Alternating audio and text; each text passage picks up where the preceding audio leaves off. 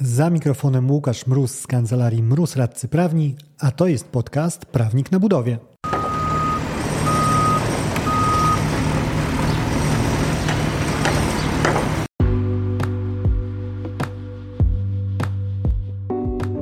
Z tej strony mikrofonu Łukasz Mróz, aka Prawnik na budowie.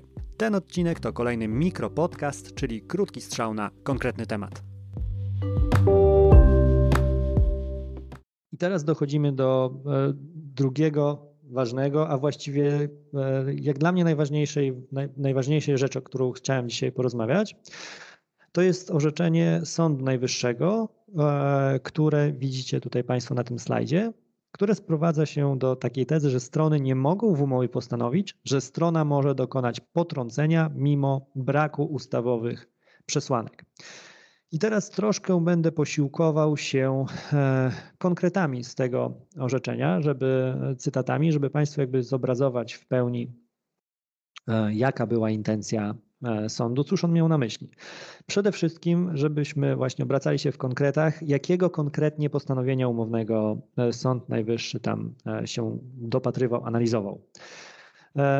Przewidziano w umowie, że pozwana spółka ma prawo do potrącenia wysokości poniesionych szkód oraz zastrzeżonych tytułem odszkodowania kar umownych z wynagrodzenia należnego przewoźnikowi bez składania w tym zakresie odrębnego oświadczenia. I to jest punkt wyjściowy. Tak sobie strony napisały e, i e, Strony tworząc takie rozwiązanie, no jak widać, to nie budowlanka, bo mamy przewoźnika, no ale sąd e, jak rozebrał to na czynniki pierwsze. Sąd stwierdził tak. E, jeżeli robimy potrącenie w drodze jednostronnej czynności prawnej, to e, dlaczego sąd odszedł mocno e, od, od przeciwnych poglądów, bo sąd zauważy, że słuchajcie, ok, ja widzę, jak najbardziej znam te poglądy o tym, e, że przepisy dotyczące potrąceń, te w ustawie, nie mają charakteru bezwzględnie obowiązującego, możemy je regulować. No ale sąd się z tym nie zgodził, najwyższy w tym wyroku, stwierdził, że e, dokonanie takiego potrącenia jednostronnego e, uzależnione jest od ziszczenia się określonych w ustawie przesłanek, co podyktowane jest potrzebą ochrony drugiej strony ze względu na doniosłe skutki prawne, jakie potrącenie bez jej udziału wobec niej e, wywiera. Pełni nie tylko funkcję zapłaty i funkcję gwarancyjną, ale funkcję egzekucyjną, czyli samodzielna egzekucja przez potrącającego swojej wierzytelności z wierzytelności drugiej strony. I dlatego Sąd Najwyższy doszedł do wniosku, że e, nie zgadza się z poglądem chociażby wyrażonym w, przez Sąd Najwyższy właśnie w wyroku z 65 roku, który jest bardzo często powtarzany jakby w, przez inwestorów w tej sprawie i stwierdza, że e, przepisy 498 do 505 KC e, opowiada się za bezwzględnie obowiązującym charakterem przepisów normujących potrącenie jednostronne ze względu na gwarancyjny charakter tych przepisów w stosunku do interesów drugiej strony, czyli w kontekście, w którym się obracamy w stosunku do interesów wykonawcy. I dalej e, sąd wskazuje, wziął się za e, barki z tym, czym w ogóle jest te potrącenie umowne, a czym nie jest. I wskazał tak, że no, jeżeli mamy e, potrącenie umowne, jeżeli ono ma być rzeczywiście umowne, no to jego istotą jest konsens stron co do wzajemnego umorzenia i tutaj ważne podkreślenie dwóch elementów oznaczonych wierzytelności i drugi element w określonej chwili. Czyli minimum, które musimy spełnić, to złapanie swoją wolą, co i kiedy, e, co i kiedy potrącamy. I tutaj już na oznaczeniu chciałem podkreślić rzecz, e, która często no, tu jest problematyczna e, z perspektywy prawidłowości takiego rozwiązania, ponieważ te kary umowne, no to jest wierzytelność, która może powstanie, może nie powstanie. To nie jest coś, co jest w ogóle jakkolwiek pewne w momencie zawierania umowy. I sam fakt, że my napiszemy, że to są kary umowne, a zdarza się podejście jeszcze szersze, że nie, to nie jest postanowienie dotyczące potrącania kar umownych, ale wszelkich należności, e, no to nie pozwala e, zebrać nam tak na myśli tak naprawdę o jakich kwotach rozmawiamy, bo tutaj postuluje się z kolei w doktrynie, z czym również się zgadzam, że jeżeli już chcemy bawić się w potrącenia wierzytelności przyszłych, to one powinny być sprecyzowane także co do wysokości. A ten warunek nie będzie spełniony co do kar umownych E, no bo nie wiadomo ile ich będzie, a nie jest na pewno spełniony przez e, takie postanowienie to ogólnikowe, krążące w obrocie, e, które sprowadza się do takiego blankietowego wskazania, że coś tam z czymś tam będzie potrącane. I później przechodząc na kwestię związaną z samymi potrąceniami, tymi umownymi, sąd wskazał, OK, to mamy kilka gatunków tego zwierzęcia mamy kompensaty jednorazowe, czyli po prostu taka czynność, że sobie siadamy ja z drugą stroną i dokonujemy tego e, potrącenia. E, tutaj według mnie nie ma najmniejszych ograniczeń co do e, dokonywania takiej czynności. Nie widzę powodu, żeby się jej sprzeciwiać. Czyli jeżeli siadamy sobie z kartką papieru, piszemy, że ja mam takie pieniądze, ty masz takie pieniądze i to kasujemy, e, jest to według mnie w pełni skuteczne i tutaj nie widziałbym też problemu, żeby objąć tym wierzytelności niewymagalne. No bo po co za jakiś czas jeszcze siadać z z papierem i już jak minie termin wymagalności, to znowu zawierać dodatkowe e, porozumienie. Natomiast dalej widziałbym tutaj ten wymóg, jeżeli chcemy bawić się wierzytelnościami przyszłymi, to ich dokładne sprecyzowanie. E, innym rodzajem są umowy, w których strony zobowiązują się do dokonywania we wzajemnych stosunkach potrącenia oznaczonych wierzytelności na określonych zasadach ale tutaj sąd dorzuca taką bardzo trafną i bardzo istotną e, obserwację, że w takim przypadku to ta sama umowa nie jest tak naprawdę, e, to, to nie ona wywołuje skutek potrącenia. Ona tworzy jedynie roszczenie o zawarcia, zawarciu w przyszłości takiej umowy potrącenia. Czyli ta kompensata jednorazowa, o której mówiłem, to jest efekt, który ma powstać w wyniku takiej, e, takich wzajemnych rozliczeń, takiej ogólnikowej umowy o potrącaniu. E, jeżeli jej odmawiam jako wykonawca, no to zamawiający ma roszczenie o, e, o zawarcie takiej umowy, czyli może zwrócić się, wystąpić do sądu, żeby, e, żebym ja taką umowę podpisał, ale nie oznacza to, że dokonuje się już w momencie tej ogólnikowej, tej pierwszej umowy, tak ją nazwijmy, potrącenie. Ono dochodzi dopiero do skutku w wyniku właściwej kompensaty tej umownej zawartej w realizacji poniekąd tej umowy ogólnej. No i też sąd obserwuje, że w ramach tych jakby potrąceń mamy te potrącenia umowne stałe. I to jest e, interesujące nas e, też bardzo rozwiązanie, ponieważ to jest ta sytuacja, jak wskazuje Sąd Najwyższy, potrąceń, w przypadku których strony w zawartej umowie wyrażają wolę potrącenia na określonych zasadach przyszłych e, wzajemnych wierzytelności, dochodzące do skutku z chwilą oznaczenia się oznaczonych, z chwilą ziszczenia się oznaczonych zdarzeń, identyfikujących powstające wierzytelności jako objęte umową.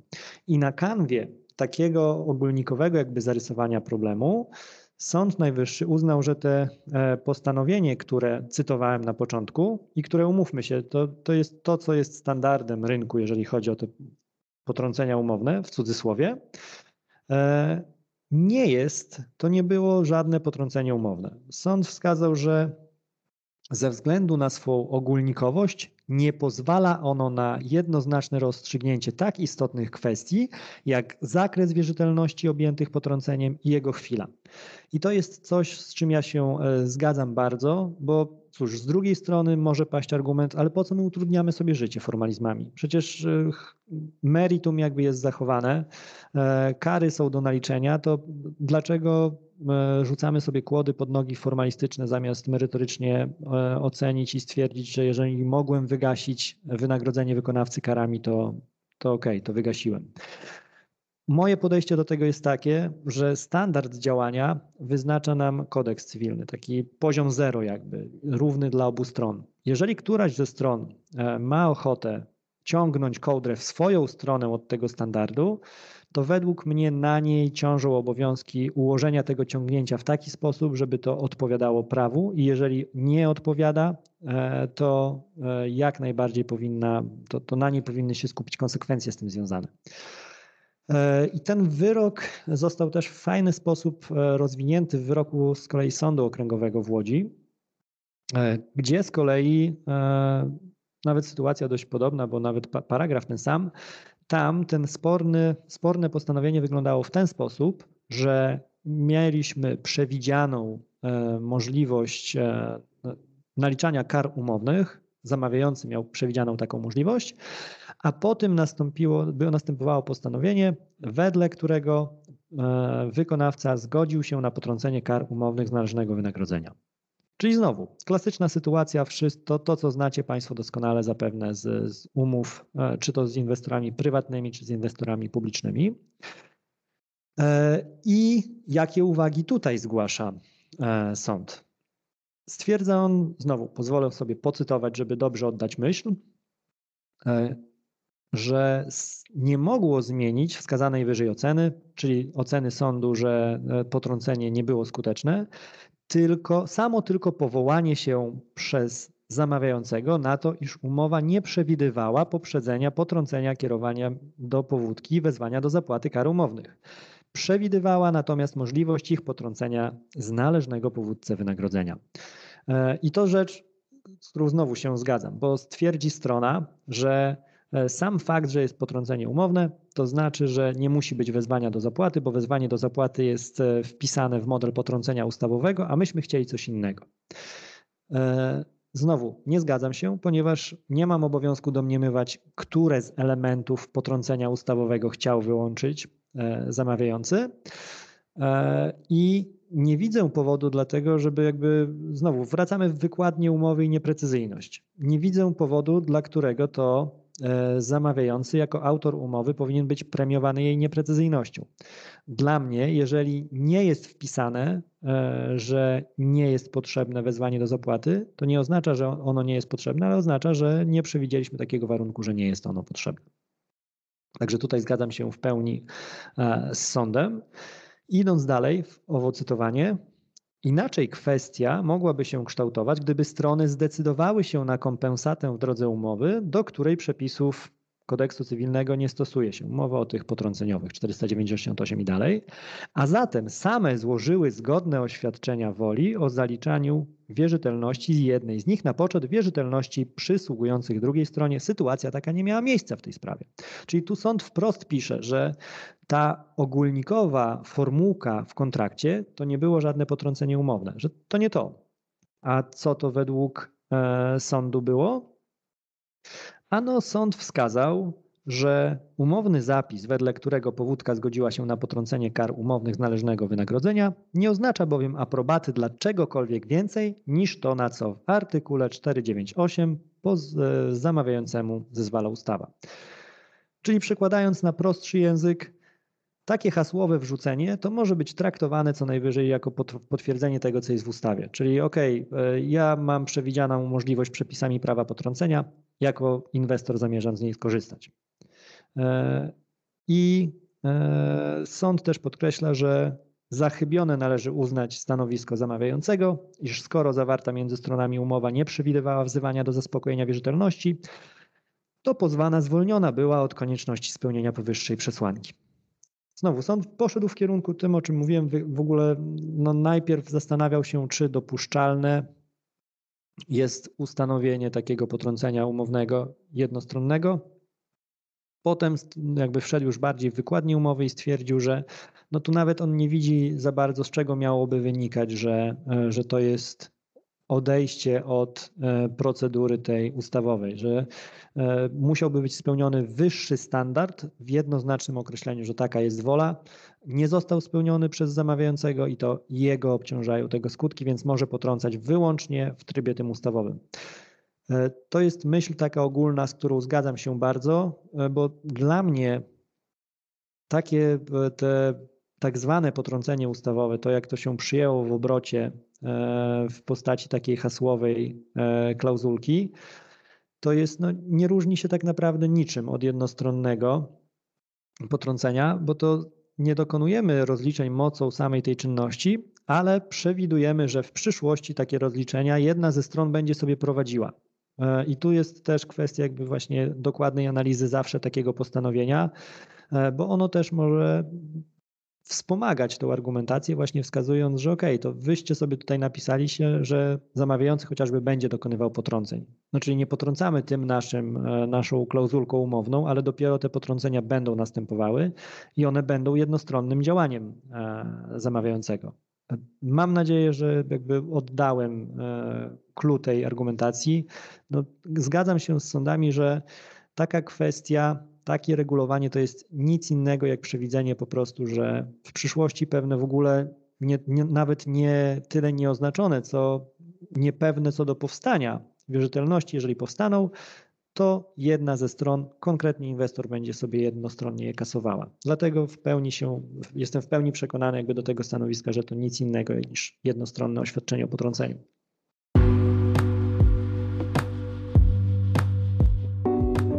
Dzięki za odsłuchanie tego odcinka. Zasubskrybuj podcast, żeby nie umknęło Ci jakiekolwiek kolejne nagranie. Znajdziesz go chociażby na Spotify, w Google Podcasts czy Apple Podcasts.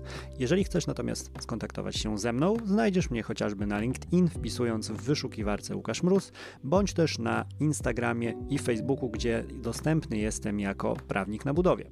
W wersji bardziej klasycznej mailowo na mrozmałpa kancelariamroz.pl. Do usłyszenia w kolejnym odcinku.